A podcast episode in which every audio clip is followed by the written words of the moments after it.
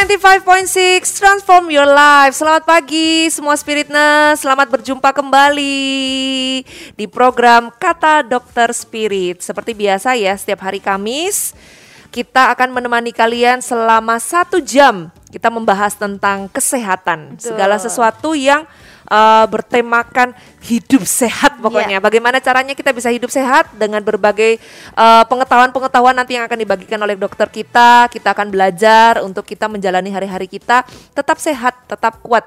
Apalagi zaman-zaman sekarang ini benar ya Sally ya. Iya, betul Dan kita mengajak semua spirit nurse selama satu jam ini untuk bergabung dengan kita. Kalian boleh bergabung dengan kita. Di 0822 1000 2005 dan Yes. jangan lupa formatnya ya Spirit Nurse nama spasi umur spasi P juga pertanyaannya dan Spirit Nurse juga bisa tanya lewat live chat di YouTube dan DM Instagram dengan formatnya dan jangan lupa ya Jangan lupa juga kita punya dokter yang menemani kita. ya Ada siapa nih Indre? Boleh dikenalkan. Oke, jadi kita di acara Kados ini kita ada dokter Gigi Handi. Iya. Shalom dokter. Shalom. Selamat pagi. Shalom Andre, Justin, Shelly. Ya, hari ini kita mau uh, mengeroyok dokter Handi. Iya. Iya, serem loh. Jadi ada Justin, ada Sally dan juga ada Andre. Kita akan bersama-sama mengeroyok dokter Handi. Enggak, enggak dok. Hari ini kita mau tanya-tanya aja. Ya, banyak bertanya aja. Dan kita juga mengajak Spiritness jangan lupa ya. Kalian bisa uh, live chat dengan kita lewat YouTube atau DM kita lewat Instagram. Kalian bisa dengarkan kita juga secara langsung melalui website kita atau live streaming yang ada. Kalian buka aja radio box kalian, kalian buka aja aplikasi kalian. Selama itu ada sambungan ke internet, cing cing cing cing. Nah, kalian bisa langsung dengerin kita secara live atau kalian mau lihat kita juga langsung live wajah kita muka-muka dokter yang ganteng-ganteng ini kalian bisa buka di YouTube aja. Spirit 95.6 kita secara Zoom, aplikasi Zoom, kita menggunakan aplikasi Zoom, secara Zoom kita bisa bersama-sama saling terkonek.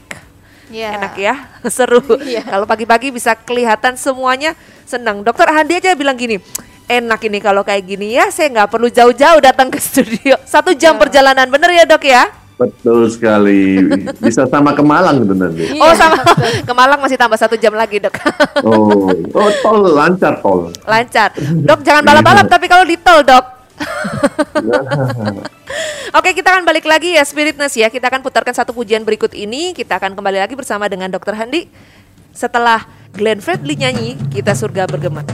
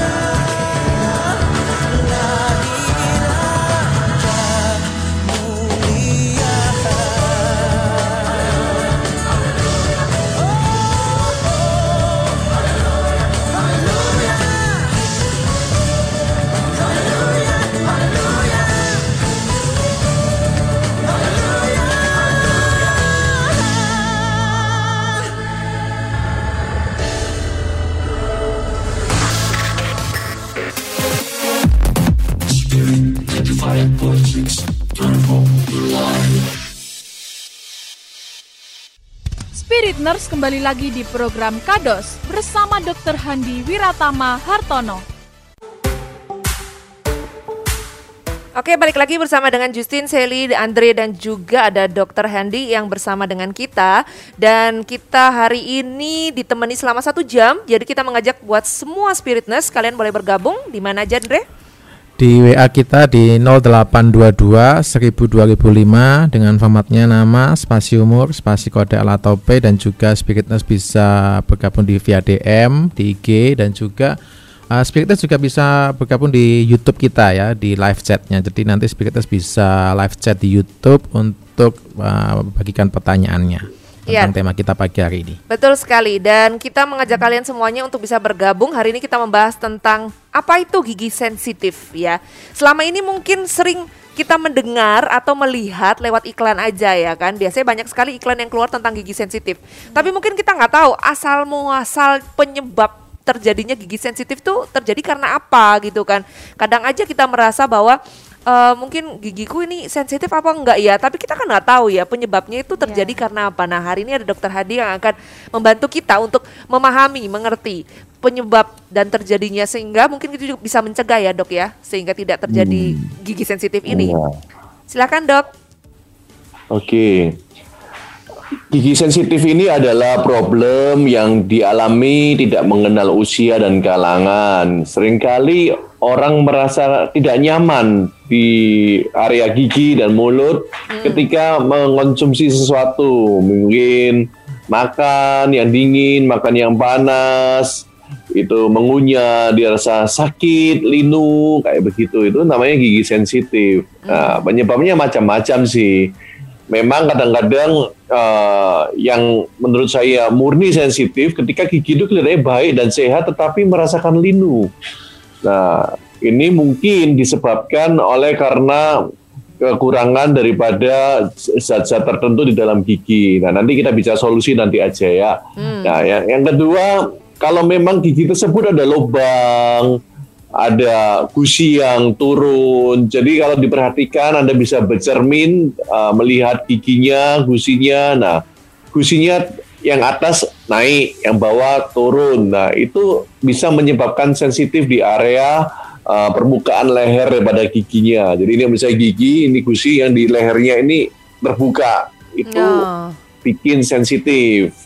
Gitu Just- Justin. jadi kalau umpamanya itu tapi eh, lobang itu juga mempengaruhi ya berarti dok ya Oh ya tentu kalau lubang itu sebetulnya kebanyakan ya pasti bikin linu, Tapi bikin setahu sakit. setahu Justin kalau sensitif kan sebenarnya bukan gigi yang berlobang ya. Maksudnya eh, yang gigi yang apa adanya yang tidak berlobang. Tapi kenapa kita bisa merasakan kayak sensasi kayak cekit-cekit itu dok? sensasi Ya, cekit-cekit ya bener ya itu- rasanya. ya? Untuk memastikannya memang perlu diperiksa ke dokter. Apakah benar tidak ada lubang atau lubangnya tidak terlihat itu juga bisa Justin. Oh. Jadi kadang-kadang perlu pemeriksaan, foto foto ronsen. Karena proses daripada lubang itu sendiri itu eh, bukan langsung lubang dari atas berogodi ke dalam enggak. Kadang-kadang lubang itu dimulai dari proses demineralisasi daripada gigi di dalamnya gigi. Jadi gigi dalamnya kosong, kempong. Oh tiba-tiba keropos gitu ya dia dok. dalamnya yang kosong lalu kita makan sesuatu kretek pecah. Nah, tapi sebelum kretek pecah itu kan dalamnya kosong. Nah, dalamnya kosong itu udah bikin sensitif, udah bikin linu. Oh. Tapi kan nggak kelihatan kalau lubang. Iya iya iya betul betul betul. Gitu. Tapi kalau sensitif itu kan biasanya kalau kita makan yang dingin atau makan yang panas sekali ya dok ya. Ah, ya. Kalau tadi dokter bilang itu karena kekurangan zat-zat tertentu. Memangnya kita bisa Ya. kekurangan zat apa dok untuk gigi ini? Gigi yang dominan sebenarnya fluoride dan kalsium. Nah, oleh karena itu salah satu solusi yang sederhana daripada gigi sensitif yang memang bukan lubang ya. Saya ini saya memang agak memperluas eh, arti kata sensitifnya karena saya mem- mencoba memahami eh, bahasa yang dipakai masyarakat. Yang masyarakat itu katakan sensitif, pokoknya sakit itu sensitif. Betul, gitu ya. betul, betul. Eh, padahal nggak tahu bener itu sensitif beneran atau ada lubang atau apa. Nah, yang sederhana yang bisa dilakukan untuk gigi yang sensitif, linu dan sebagainya itu eh, memang menggunakan pasta gigi yang untuk sensitif. Tidak boleh menyebut merek katanya ya, ya. Tapi banyak di pasaran nah uh, pasta gigi untuk gigi sensitif yang mengandung fluorohidroksiepetit, mengandung kalsium dan sebagainya, uh, zinc citrate. Nah itu yang membuat uh, uh, mengurangi sensitivitas daripada gigi. Dan sering kali yang tidak diketahui daripada masyarakat itu bagaimana cara pakainya.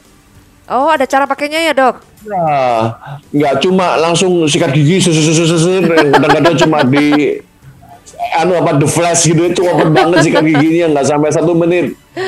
Nah, akhirnya zat-zat tersebut belum aktif sudah dikumur sudah dibuang, jadi belum sempat mengaktifkan diri.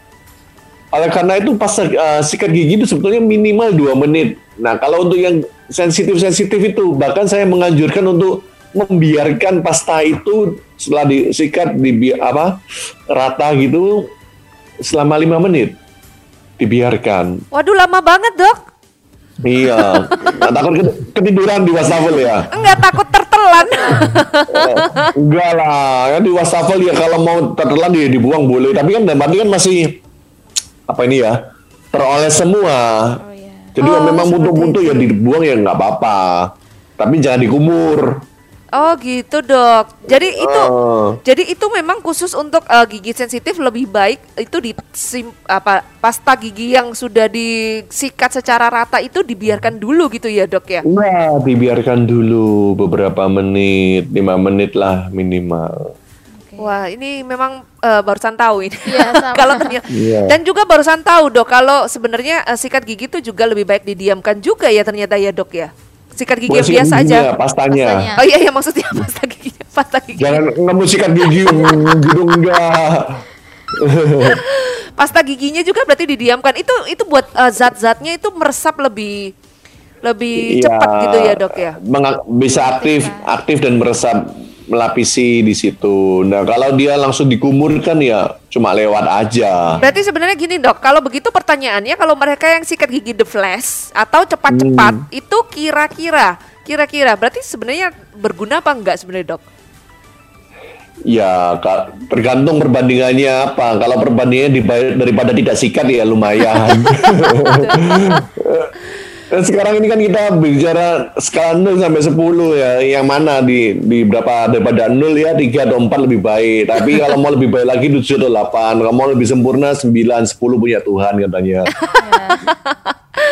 Oke oke dok, wah luar biasa ya. Berarti eh, selain selain daripada kekurangan zat-zat yang tadi fluoride atau kalsium itu dok, ada hal lain nggak yang sebenarnya menjadi satu faktor, eh, salah satu faktor terjadinya gigi sensitif?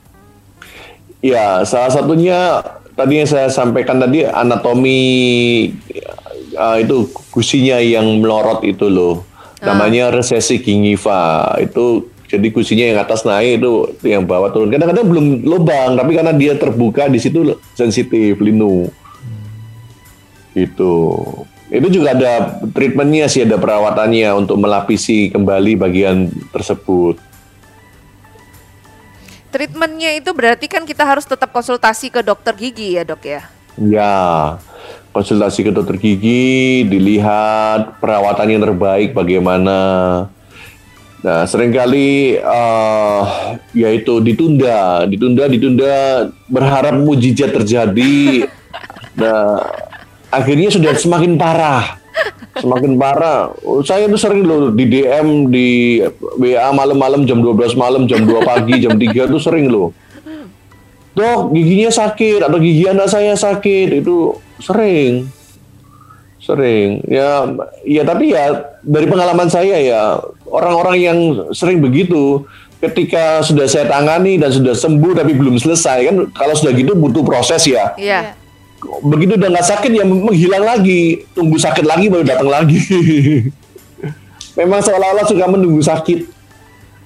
Oke. Dan ini Iya. untuk gigi sensitif itu apa ada rentang umurnya, Dok? Atau usia berapa yang bisa Ah, sensitif atau Bisa terjadi di usia? segala usia sih sebetulnya. Bisa. Dan ini lagi makanan-makanan yang manis, asam, bersoda. Nah, ini sering kali juga membuat gigi sensitif. Oh, Ya, ya kalau kita makan yang asam-asam banget kadang-kadang kan ngilu. Iya. Sebenarnya kalau yang asam-asam itu belum masuk di mulut aja kita sudah rasa ngilu, Dok. Ya, itu karena sudah ini dari apa otaknya Mindset. sudah mengirim sinyal. Betul, mindsetnya sudah sudah Iya. sudah berubah. Satu hal lagi, Dok. Kalau ibu hamil itu juga biasanya rentan terkena gigit sensitif. Betul apa salah? Ya, itu hubungannya dengan hormonal dan karena mereka di pagi hari sering morning sickness, asam Iya. lambung naik. Nah, itu bikin apa ya sensitif lino. Oh, jadi sebenarnya asal Iya. mula eh, asal mulanya ya dari asam lambung yang naik itu bisa Ya. menyebabkan gigi sensitif itu, Dok. Iya. Kalau Itu cara menyikat gigi itu juga bisa mempengaruhi gigi sensitif atau tidak, Dok? Nah, itu hubungannya sama gusi tadi. Kalau sikat giginya dengan arah yang keliru, dengan apa dorongan yang salah, jadi sebetulnya sikat gigi yang gi- gigi atas dari gusi ke bawah, jangan dibalik. Ah. Atau bawah yang bawah dari bawah ke atas supaya tidak terjadi tadi apa resesi gingiva atau eh, gusi yang melorot itu ya. Nah, jadi cara sikat gigi dan bulu sikatnya kalau terlalu keras, ya itu bisa terjadi bahkan mengikis bagian tadi kalau gusinya udah naik. Biasanya emal gigi di sini yang di daerah sini nggak ada emal, jadi kalau kena sikat terus itu bisa terkikis kayak pohon yang digergaji nanti. Jadi giginya sampai ada sampai putus loh giginya. Aduh. Ya tentu sebelum, sebelum putus sakit. ya. Tapi ada datang ke tempat saya sudah putus, klek klek klek gitu. Terus saya bilang lu udah putus ini bu giginya bu. Habis digergaji sama sikat giginya.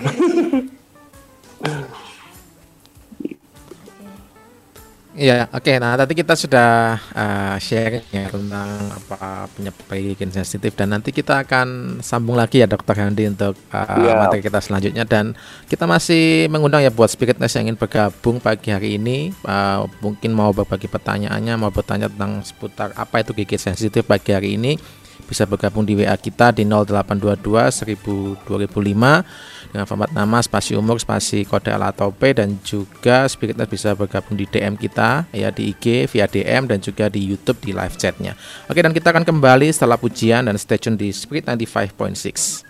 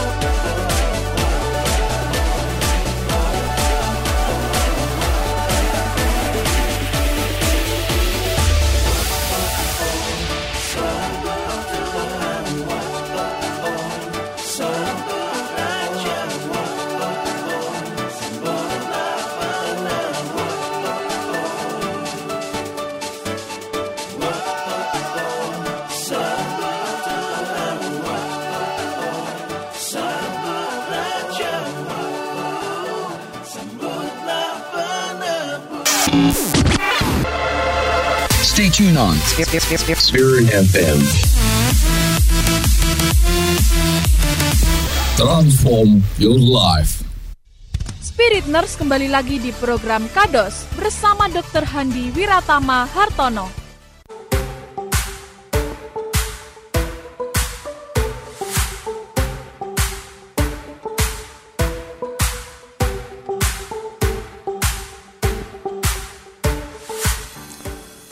Masih di Spirit 95.6 Transform Your Life dan masih bersama dengan Andre, Justin, Sally dan juga Dr. Handi ya. Dan kita masih akan membahas tentang apa itu gigi sensitif ya. Tadi kita sudah uh, membahas tentang penyebabnya dan uh, mungkin buat Spiriters uh, pagi hari ini yang sedang stay tune dan sedang mendengarkan bisa bergabung untuk bertanya seputar tema kita pagi hari ini dan buat Spiritness yang ingin bergabung bisa langsung ya uh, kirim WA di 0822 1000 2005 dengan formatnya nama spasi umur spasi kode L atau P dan juga Spiritness bisa bergabung di IG kita via DM dan juga di YouTube di live chat. Yap. Dan satu hal ya buat Spiritness ya kalau kalian mau dengarkan kita, mungkin buat saudara-saudara yang yang kalian tahu, eh, aku punya ponaan ini atau aku punya uh, keluarga ini yang sering sekali mengeluh tentang giginya yang sakit. Kalian bisa langsung sertakan aja, kasih tahu kepada mereka. Kamu bilang, aku punya nih dokter yang lagi ngomong-ngomong tentang gigi sensitif. Nah, langsung suruh dengerin aja kita di Radio Box Spirit 95.6. Jadi jangan uh, jangan kalau buka itu jangan lupa ada spiritnya. kalau 95.6 itu kalau di berbagai kota itu ada juga mungkin frekuensi radio lain. Jadi jangan lupa nama spiritnya ya, spiritness. Jadi kalau kalian mau memberitahukan kepada saudara atau keluarga yang ada di luar pulau, di luar negeri, yang ada di mana saja, jangan lupa suruh buka Spirit 95.6 ya. Itu yang paling penting. Kita balik lagi ke Dokter Handi. Silakan dok. Ya, sekarang kalau ngomong penyebab sakit dan sebagainya kita butuh solusi kan. Betul.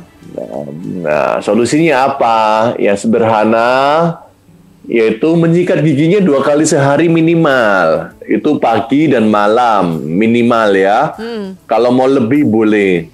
Pagi itu kapan? Pagi itu bukan bangun tidur ikut terus mandi tidak lupa sikat gigi, bukan. Tetapi makan pagi baru sikat. Oh, setelah sarapan pagi baru sikat gigi ya, Dok? Iya. Tapi beberapa kalau- orang sarapan paginya sudah jam 9, jam 10 terus gimana, Dok? Ah, ya habis itu sikat gigi. Oh, tetap sikat gigi juga ya. Iya.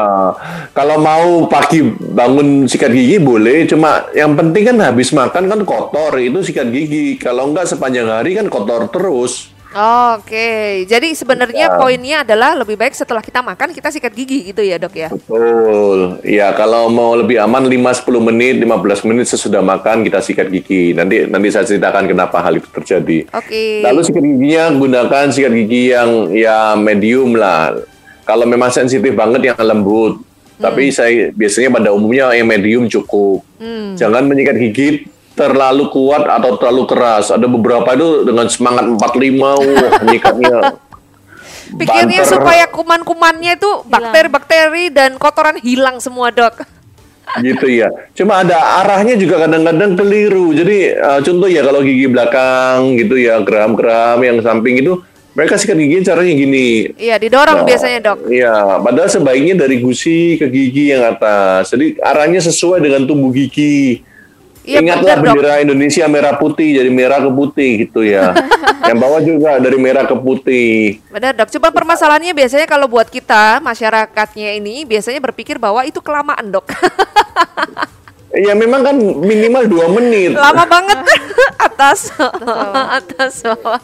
kan nggak bisa Ya, it's a cepet-cepet, matter Dok. of habit. Dibiasain bisa dan memang harus dua menit minimal. Nah kalau sut sut sut sut sut sut nah itu terlalu cepat. Akhirnya tadi tadi seperti saya sampaikan pasta giginya belum aktif, jadi sensitifnya meningkat. Oh. Terus bersih, bersihkan selah gigi, selah selah gigi dengan benang, benang gigi, dental floss ya, bukan benang jahit.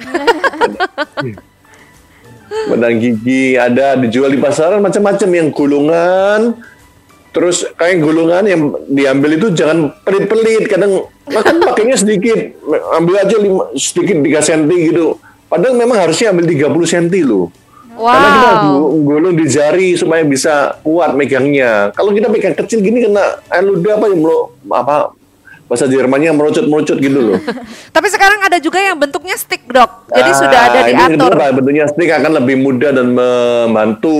Iya, betul, betul. Nah, Dok, Dok, cuma nah itu dis disposable loh ya. Iya, Jangan benar, benar. Orang-orang biasanya karena oh eman dia baru pakai sekali dicuci terus digantung, dijemur kayak jemuran gitu. Iya kalau dicuci digantung dok, kalau tidak dicuci dipakai lagi. Itu Iya. itulah kebiasaan orang-orang yang harus berubah, ya kebiasaan yang Iya. harus dirubah. Dan ini dok, tadi eh, dokter ada sempat menyebutkan kan sebenarnya tentang eh, sikat gigi, pakai yang medium, kalau bisa yang soft ya. Itu Iya. kita memilihnya itu kan di pasaran itu banyak banget tipenya ya dok ya. Kita memilihnya Iya. gimana taunya? Oh ini yang sensit, eh ini yang soft, ini yang medium, kan kita nggak bisa pegang juga dalamnya dok. Sebetulnya ada tulisannya sih. Di kalau di sikat-sikat gigi yang dengan merek-merek yang ter, bermutu yang terjamin itu ada tulisannya dia tulis kok dia sediakan mau soft mau hard mau medium itu dia dia kasih pilihan Oke, berarti kita eh, dengan membaca eh, Iya. harus rajin membaca ya memang kita nih ya. Kadang Iya. asal milih aja pokoknya ini yang pink Iya. bagus. Ya, pilih pink, pilih bagus enggak enggak. Kalau masalah bentuk tiga sudut, dua sudut, empat sudut, sepuluh sudut itu sebetulnya sebetulnya ya dikira-kira yang nyaman, yang enak gimana. Standar lurus saja bisa sih sebetulnya. Iya benar. Yang penting caranya menyikat itu ya dok ya. Iya. Mau bentuknya gimana tapi kalau sikatnya sama kayak gini-gini doang, maju mundur maju mundur sama aja ya. Ya.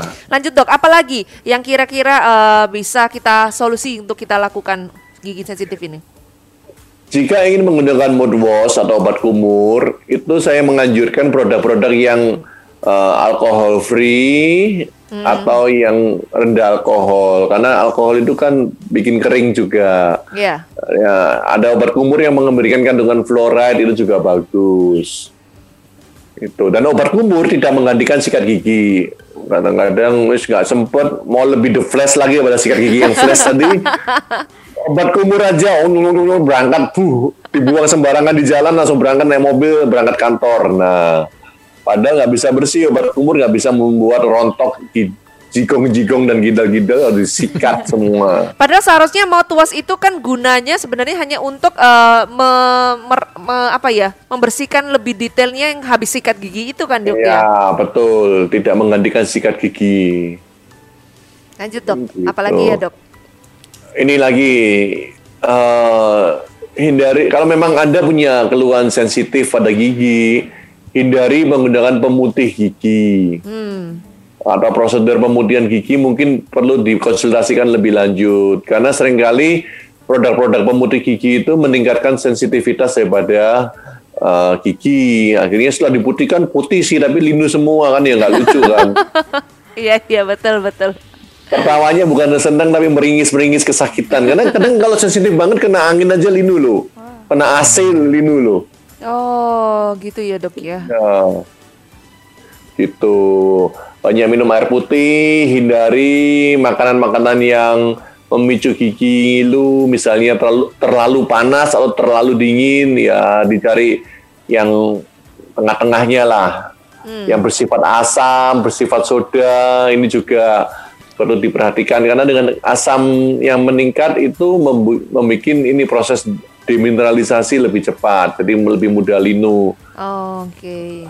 Nah itu juga ya hubungannya dengan tadi setelah makan tunggu 30 menit atau banyak minum air baru sikat gigi supaya menetralkan suasananya dulu. Oh, jadi uh, dibiasakan dulu mulutnya gitu dengan ya, suhunya. Karena saliva atau air liur itu adalah buffering system. Buffering system itu buffer itu apa ya? Untuk menetralkan yang terlalu asam atau terlalu basah diambil tengahnya pH-nya. Nah itu baru untuk sikat gigi lebih aman. Nah kalau sifatnya terlalu asam banget, semuanya asam, asam, asam, asam, uh, dikhawatirkan lebih mudah terkikis oleh bulu sikat. Oh, begitu dok. Makanya kenapa setelah ya. makan lebih baik dibiarkan 15-30 menit setelah itu baru sikat gigi dok. Ya, untuk menetralkan. Lo banyak minum dulu lah, menetralkan karena air kan juga menetralkan ya. Bener, rasanya mungkin lebih uh, lebih uh, lebih cocok kita minum air dulu, dikumur-kumur, dinetralkan, ya, baru kita sikat gigi ya dok. Sikatin. Kalau dibiarkan 15-30 menit kita bisa lupa sudah sikat gigi. Ya, betul, 14. 14, 14. Dok, saya mau tanya dok, kalau umpamanya gigi ngilu, itu bisa bisa disembuhkan jadi normal kembali nggak dok? Bisa, bisa, bisa, bisa. Nah, ya oleh karena itu yang terakhir saya anjurkan untuk tetap ke dokter gigi ya. Hmm. Bahkan minimal enam bulan sekali, jangan tunggu sampai sakit banget atau sakit parah gitu baru ke dokter gigi sebetulnya Tuhan itu baik loh. Dia kasih alarm kalau ada yang nggak beres itu rasa sakit itu alarmnya. Hmm. Jadi blessing in disguise itu supaya ke dokter diperiksa, dilihat, jangan tunggu sampai kesakitan banget. Karena semakin ada sakit banget artinya udah parah banget. Kalau udah parah banget artinya butuh perawatan yang lebih banyak, lebih kompleks dan buntutnya adalah biaya yang ya lebih besar. Ujung-ujungnya duit, akhirnya Betul. duitnya habisnya banyak. Nanti habisnya banyak yang disalahin dokternya. Aduh, dokter gigi mahal. Padahal kalau Anda rutin saja enam bulan sekali, biasanya nggak mungkin sampai terjadi sesuatu yang parah sih. Iya betul. Padahal hanya dengan rutin enam bulan sekali, mungkin juga iya. uh, itu hanya perawatan-perawatan biasa ya dok ya. Mungkin cuma bersihkan karang gigi atau cuma dilihat uh, gusi-gusinya dan bolong-bolongnya iya. itu ya dok ya. Itu justru Betul. seharusnya lebih lebih hemat daripada nanti kalau kejadian sudah sakit gigi dan harus berobat dengan biaya yang cukup besar. Betul. Ini ada pertanyaan nah, ini. Mo mo mobil sama kendaraan Anda servis enam bulan sekali minimal. Coba nggak diservis. nggak pernah servis dinain doang ya rusak lama-lama. Bener bisa-bisa bisa dipakai gitu kan dok. Masa ma uh, malah justru biaya biasanya lebih besar. Ini ada pertanyaan ya, dok. dok. Ini ada pertanyaan ya. dari Rini. Dok, kalau gusinya terkikis, ada solusinya nggak biar gusinya tumbuh lagi? Ya, uh, mungkin maksudnya gusinya melorot tadi ya. ya. Gusinya mungkin tidak terkikis mungkin. ya, tapi uh, uh, ada beberapa cara untuk menanggulangi hal itu tersebut. Kalau dari sisi gusinya sendiri ada sih uh, operasi bedah flap untuk menaikkan gusi. Cuma kebanyakan orang agak serem karena ada bedah-bedahnya gitu kan iya, takut. Iya benar. Kita kalau pikir operasi bedah-bedah itu langsung gimana gitu loh dok. nah solusi yang berikutnya biasanya saya lakukan juga memberikan sebuah lapisan atau tembelan sewarna gusi untuk menutupi bagian gigi yang seharusnya tertutup oleh gusi, hmm. gusinya naik. Nah, yang bagian itu saya tutupi dengan warna merah muda, warna gusi. Jadi seolah-olah gusinya kembali ke sana oh. untuk, uh, untuk menutup bagian supaya tidak linu. Oke, berarti ini nggak bisa tumbuh lagi ya dok gusinya ya? Kalau secara alami nggak bisa tumbuh lagi. Oke. Nggak bisa. Kalau mungkin mild banget atau ringan banget, ya ya itu sikat giginya tolong diusahakan sesuai dengan arah tumbuh gigi. Harapannya kan, kan tekanannya itu bisa membantu membuat gusinya agak gusinya kembali. agak lah. kembali. Berarti kita sikatnya didorong-dorong gitu ya, enggak usah ya dok? Iya, ya didorong-dorong. Uh, sebenarnya istilahnya masat gingiva juga, masat Oh iya benar ya, benar ya berarti dok ya, didorong-dorong oh, ya dok? Oh, berarti iya. bisa. Bisa, bisa, bisa, oh, didorong-dorong. Dicoba aja, siapa tadi Rini ya? Iya Rini. Nah, Rini ya. dicoba aja, coba kamu masat gigi kamu ya kan. Caranya adalah tadi dokter sudah sampaikan sikat giginya itu dari merah ke putih, merah ke putih, benar ya, ya dok ya? Iya betul. Oke dan kita kita masih mengundang buat spiritnya semuanya yang mau bertanya bisa langsung di WA kita di 0822 1000 dan jangan lupa formatnya nama spasi umur spasi L atau P juga pertanyaannya seputar gigi sensitif. Juga spiritness bisa tanya lewat live chat YouTube dan DM Instagram. Kita akan kembali setelah satu pujian berikut ini.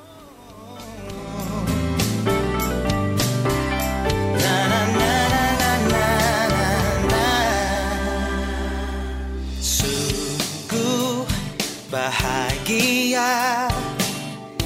Kita bersama. Hari yang terindah. Kita rayakan bersama Hari Natal. Yang penuh karunia. Sebab dia telah lahir bagi kita. Oh, oh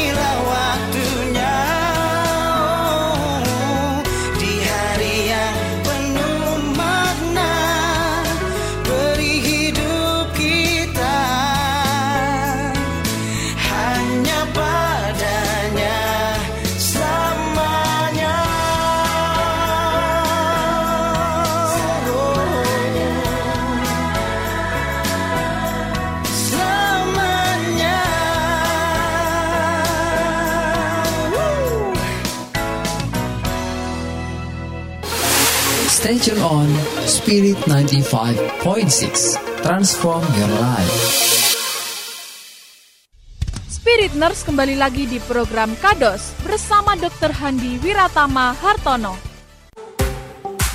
Spirit 95.6 masih bersama Sally, Justin, Andre, dan juga Dr. Handi. Dan hari ini kita masih membahas tentang dok gigi sensitif ya dok. Oh, hampir Ya. dia mau bilang kita membahas tentang Dokter. anjing.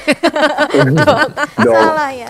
tentang Oke. dok, tentang dok. Dan kita juga masih mengundang spiriters yang mau bertanya tentang gigi sensitif ini ya melalui WA kita di 0822 1000 2005 dan jangan lupa formatnya nama spasi umur spasi alatope juga pertanyaannya. Juga bisa bertanya melalui live chat YouTube dan DM Instagram. Oke deh dok. Dan saya mau tanya nih, kalau efeknya yang paling bahaya itu apa ya dok? Kalau gigi sensitif ini dibiarkan? Ya, saya terus terang juga heran. Ada beberapa pasien itu bisa menahan sakitnya, yang tidak nyamannya itu sekian lama gitu ya. Memang sih dimulai dari sesuatu yang tidak terlalu mengganggu, tidak terlalu sakit, tapi sudah ada, sudah mulai nggak enak. Dan tentu ya masalah kecil dipelihara lama-lama jadi tambah besar. Jadi lama-lama sakitnya meningkat, meningkat, meningkat mungkin juga karena bermula kecil dikuat-kuatin dibiasa-biasain adaptasi sakit adaptasi sakit adaptasi sakit adaptasi akhirnya eh, membiasakan diri hidup di zona nyaman yang tidak nyaman itu Kalau orang bilang soalnya mengganggu. no pain no gain katanya. Nopin-nopin lain ya itu Nopin itu katanya pelatih fitness saya itu Nopin-nopin instruktur diet saya ada bilangnya gitu Nopin-nopin Eh, jadi akhirnya ketika dibiarkan efeknya apa? Yang sederhananya tentu eh, makannya jadi nggak nggak nyaman. Jadi kebutuhan gizinya juga tidak baik. Hmm. Untuk apalagi misalnya terjadi pada anak-anak yang masih memerlukan gizi yang bagus untuk tumbuh kembangnya. Terus orang bilang gini, oh iya anak-anak dok saya kan kegebuan, lumayan sekalian diet. Nah, bu- nggak nggak juga gitu karena dengan anda gigi sensitif kunyahnya tidak baik nanti hubungannya yang terdekat sama lambung akhirnya makanan yang masuk di lambung juga tidak diolah lebih dahulu secara baik di mulut proses pengunyahannya nggak baik masuk ke lambung tidak halus lambungnya kerjanya berat seperti itu Tapi Dan ada- kalau sen- Uh-uh, Hmm, gimana dok? Silakan dok Kalau dilanjutkan se- dulu. Kalau sensitifnya meningkat terus sakit dan memang ternyata ada lubang besar, sudah kena saraf dan sebagainya. Tahukah Anda bahwa infeksi daripada rongga mulut ini bisa sampai ke mana-mana juga? Ya tidak selalu, tetapi sebagai salah satu contoh orang-orang yang mau operasi bypass jantung, operasi jantung dan sebagainya, biasanya tetap dikirim ke dokter gigi untuk membereskan giginya lebih dahulu. Hmm, Gitu. Ada problem apa itu dok yang bisa terjadi kalau ternyata dibiarkan? Infeksi. Oh, Um, myocarditis, jadi infeksi jantung. Jadi menjadi port of entry atau lubang masuknya kuman. kuman. Oh, Oke. Eh, Dan itu yang membahayakan juga ya dok kalau untuk dilanjutkan operasi. Iya, jadi infeksi, infeksinya meningkat ke jantung. Apa kan op- operasi jantung butuh steril gitu ya. Nah ternyata dalamnya apa kemasukan kuman dan sebagainya kan dari dari gigi sederhana dari gigi. Dan akhirnya infeksi operasi gagal dan sebagainya kan merepotkan. Gitu Oke. taruhannya nyawa itu taruhannya nyawa itu kalau itu Iya, kalau itu sudah sudah sudah cukup sangat berbahaya sudah malahan ya dok ya. Ya. Cuman satu hal dok, kalau umpamanya kita ternyata memang tetap membiarkan dengan kondisi seperti itu, apa mungkin eh, bisa sembuh-sembuh sendiri nggak dok? Bisa nggak? Ada terjadi seperti itu nggak? Eh, kadang-kadang te- itu kan timbulnya on and off ya. Kadang linu, kadang sakit, kadang tenggelam. Ya. Sekarang mau dikatakan sembuhnya apa? Ketika oh iya sudah nggak sakit kok sekarang. Tapi untuk beberapa hari, minggu depan sakit lagi. Ya itu kan nggak bisa dikatakan sembuh kan. Hmm. Enggak kok ini sudah enakan kok nggak apa-apa. Tapi kumat lagi ya nggak bisa ya Dodi nggak nggak nggak selesai. Nah, kalau ayah dibiarkan terus sampai habis ya mungkin habis bisa nggak sakit tapi kan jadi tempatnya infeksi tadi itu. Oh, seperti itu dok. Ya manifestasinya sudah nggak di mulut lagi tapi misalnya sampai kelenjarnya sakit sampai ya macam-macam yang ke- keluar ke bagian tubuh yang lain. Hmm. Oke, Oh. mungkin ada pertanyaan lagi, Sally? Ya ini ada pertanyaan dari Pak Yun. Apakah orang tua itu gusinya selalu turun? Ini umurnya 71 tahun. Eh, untuk masalah orang tua itu memang sering terjadi gusinya turun.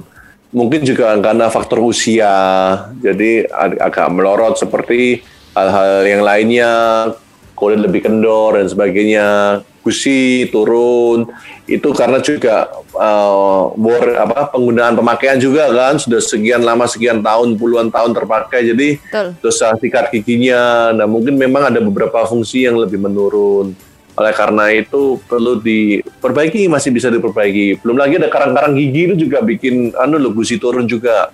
Oh. Karang gigi. Nah, tadi kita saya belum sebut karang gigi. Karang gigi itu juga penumbukan sisa makanan dalam waktu tertentu. Nah, ini sifatnya bukan asam tapi karena bersifat basah ludahnya dia jadi batu karang nempel di ini apa leher-leher gigi, neken gusi, neken tulang. Jadi lama-lama giginya juga goyang gitu. Hmm. Makanya enam bulan sekali untuk konsultasi itu sangat-sangat diperlukan karena dari situ juga kita bisa lihat dari karang giginya ya bagaimana ya dok dan itu bisa dibersihkan kan ya dok ya? Bisa, karang gigi itu bikin bau mulut juga loh. Bau mulut, gusi mudah berdarah, bisa dibersihkan. Dan jangan khawatir, kadang-kadang saya sering nanti ditanyain sama pasien, dok ini membersihkan karang gigi terus nanti giginya nggak terkikis kah? Hmm. Betul Nah, betul. Alat, alat untuk membersihkan karang gigi itu bukan bor, yang yang bisa kita pakai itu ultrasonic scaler. Jadi eh, dia getaran aja sih, getaran sehingga bikin karang yang nempel itu rontok. Oh. Jadi dia tidak bisa motong gigi. Misalnya kalau bor ini gigi ya dibor ini ser bolong. Iya. Tapi alatnya alatnya karang gigi yang mungkin di mata awam kayak bor juga itu nggak bisa diser yang nggak bolong-bolong nggak bisa cuma getaran toh. Itu rasanya guguknya juga kepingin siaran itu dok. iya, anu ada orang sampah lewat dia itu selalu memusuhi orang sampah itu loh. Apa orang yang ngambil sampah itu loh? Coba diajak damai dulu berarti dok. dok kita kan Eh, iya. kita akan masuk di kesimpulan. Uh, kita Iya. akan satu pujian berikut ini kita akan masuk di kesimpulan. Mungkin juga nanti buat spiritness uh, yang masih mau bertanya, cuman ada sekitar lima menit ya, Sally ya. betul. Sekitar lima menit aja waktu untuk kalian bisa bertanya. Kalian sebenarnya boleh telepon, kalian bisa uh, WhatsApp kita atau kalian bisa live chat atau mungkin DM kita. Langsung aja saat ini karena waktu sangat-sangat terbatas untuk kita segera menutup pembicaraan kita hari ini. Iya. Dan Dokter Handi yang akan menjawab setiap pertanyaan dari Spiritness semuanya. Tetap stay tune di Spirit 95.6.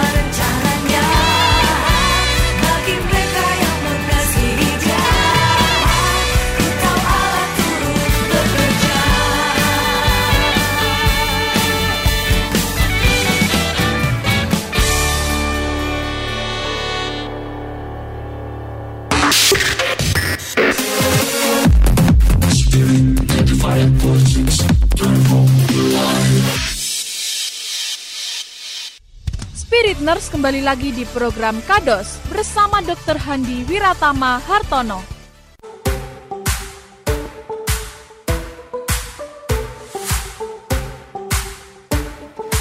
Oke, balik lagi bersama dengan Justin, Sally, Andre, dan juga ada Dokter Handi yang bersama dengan kita selama satu jam. Kita sudah menemani semua spiritness dan ini ada pertanyaan terakhir sebelum nanti kita akan masuk di kesimpulan. Silakan, Sally.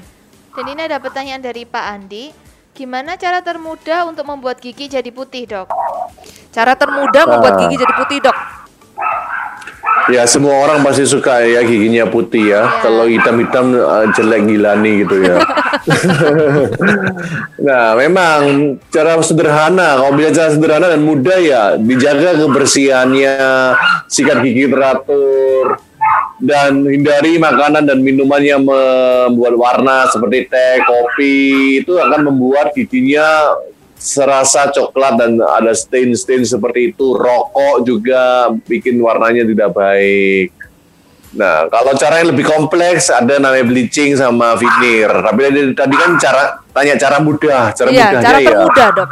sikat gigi yang baik, hindari makanan-makanan yang menimbulkan warna. Kita masuk di kesimpulan, dok. Eh, kesimpulan tentang gigi sensitif ini. Oke. Gigi sensitif bisa terjadi pada siapa saja dan baga- apa tandanya adalah rasa tidak nyaman, linu, sakit pada giginya sehingga mengganggu proses makan, proses pengunyahan itu terganggu.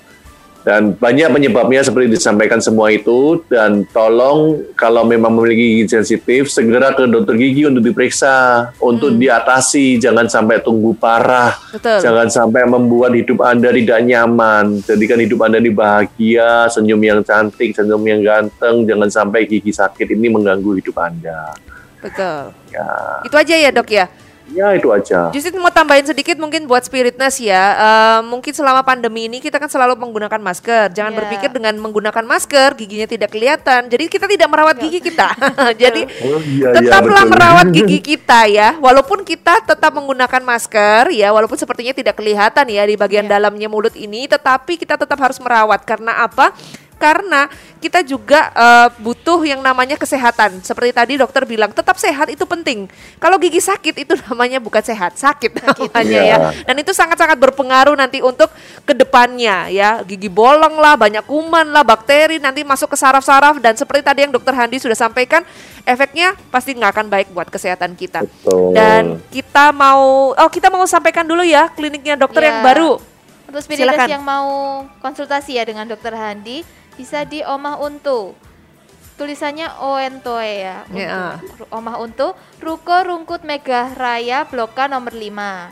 Sekali lagi ya di Omah Untu, Ruko Rungkut Megah Raya, Blok K nomor 5. Ada nomor Ya. teleponnya mungkin yang bisa dihubungi. Bisa di 031 87 86 2220. Kalau untuk eh, jamnya, jam. Untuk jamnya jam berapa dokter? Jam jamnya klinik saya itu di Oma Untuk buka dari jam 11 pagi sampai jam 7 malam. Wah. Setiap hari Senin sampai Sabtu, Minggu aja kita libur. Jadi Senin sampai Sabtu jam 11 sampai jam Ya. 7 malam ya dok ya. Nah, Yang dentalen minggu buka, jadi ada beberapa pasien bisanya cuma minggu itu dentalen buka minggu. Ya sip luar biasa. Dokter ini bisa eh, sungguh-sungguh bisa menangani pasien Senin sampai Minggu. Ya, Tapi tidak Tentu 24 saya jam. dengan tim saya, jangan saya terus nanti jadi amuba saya. Terima kasih buat Dokter Handi yang sudah menemani Ya, kita ya dok, terima kasih, yang sudah berbagi Sally. ilmu dan juga terima kasih buat semua spiritness yang sudah bergabung. Ada Pak Yun, ada Rini, ada siapa lagi terakhir? Pak Andi. Pak Andi ya, yang sudah bersama-sama kita belajar tentang gigi sensitif ini. Dan kita akan kembali minggu depan juga dengan program yang sama kata Dokter Spirit, eh, tentu saja dengan dokter yang berbeda ya. Kalau Dokter Handi lagi, nanti kita akan jadwal minggu depan, eh bulan depan, bulan depan. Ya, jangan terus-terusan nanti bosen lihat wajah saya di Nanti sini. dokter Handinya eh, anu narsis nanti bahaya nanti. Iya. Nanti gigi sensitif bikin hati yang sensitif gimana nanti? Waduh. Terima kasih buat semua spiritness, Iya. terima kasih juga buat Andre dan Sally yang sudah menemani Justin pagi hari Oke. ini. Terima kasih buat Oke, semuanya. terima kasih. Akhir kata kita mau ucapin buat kalian keep the spirit, keep the fire and God, God bless bless you all. God bless Tuhan. Yesus memberkati.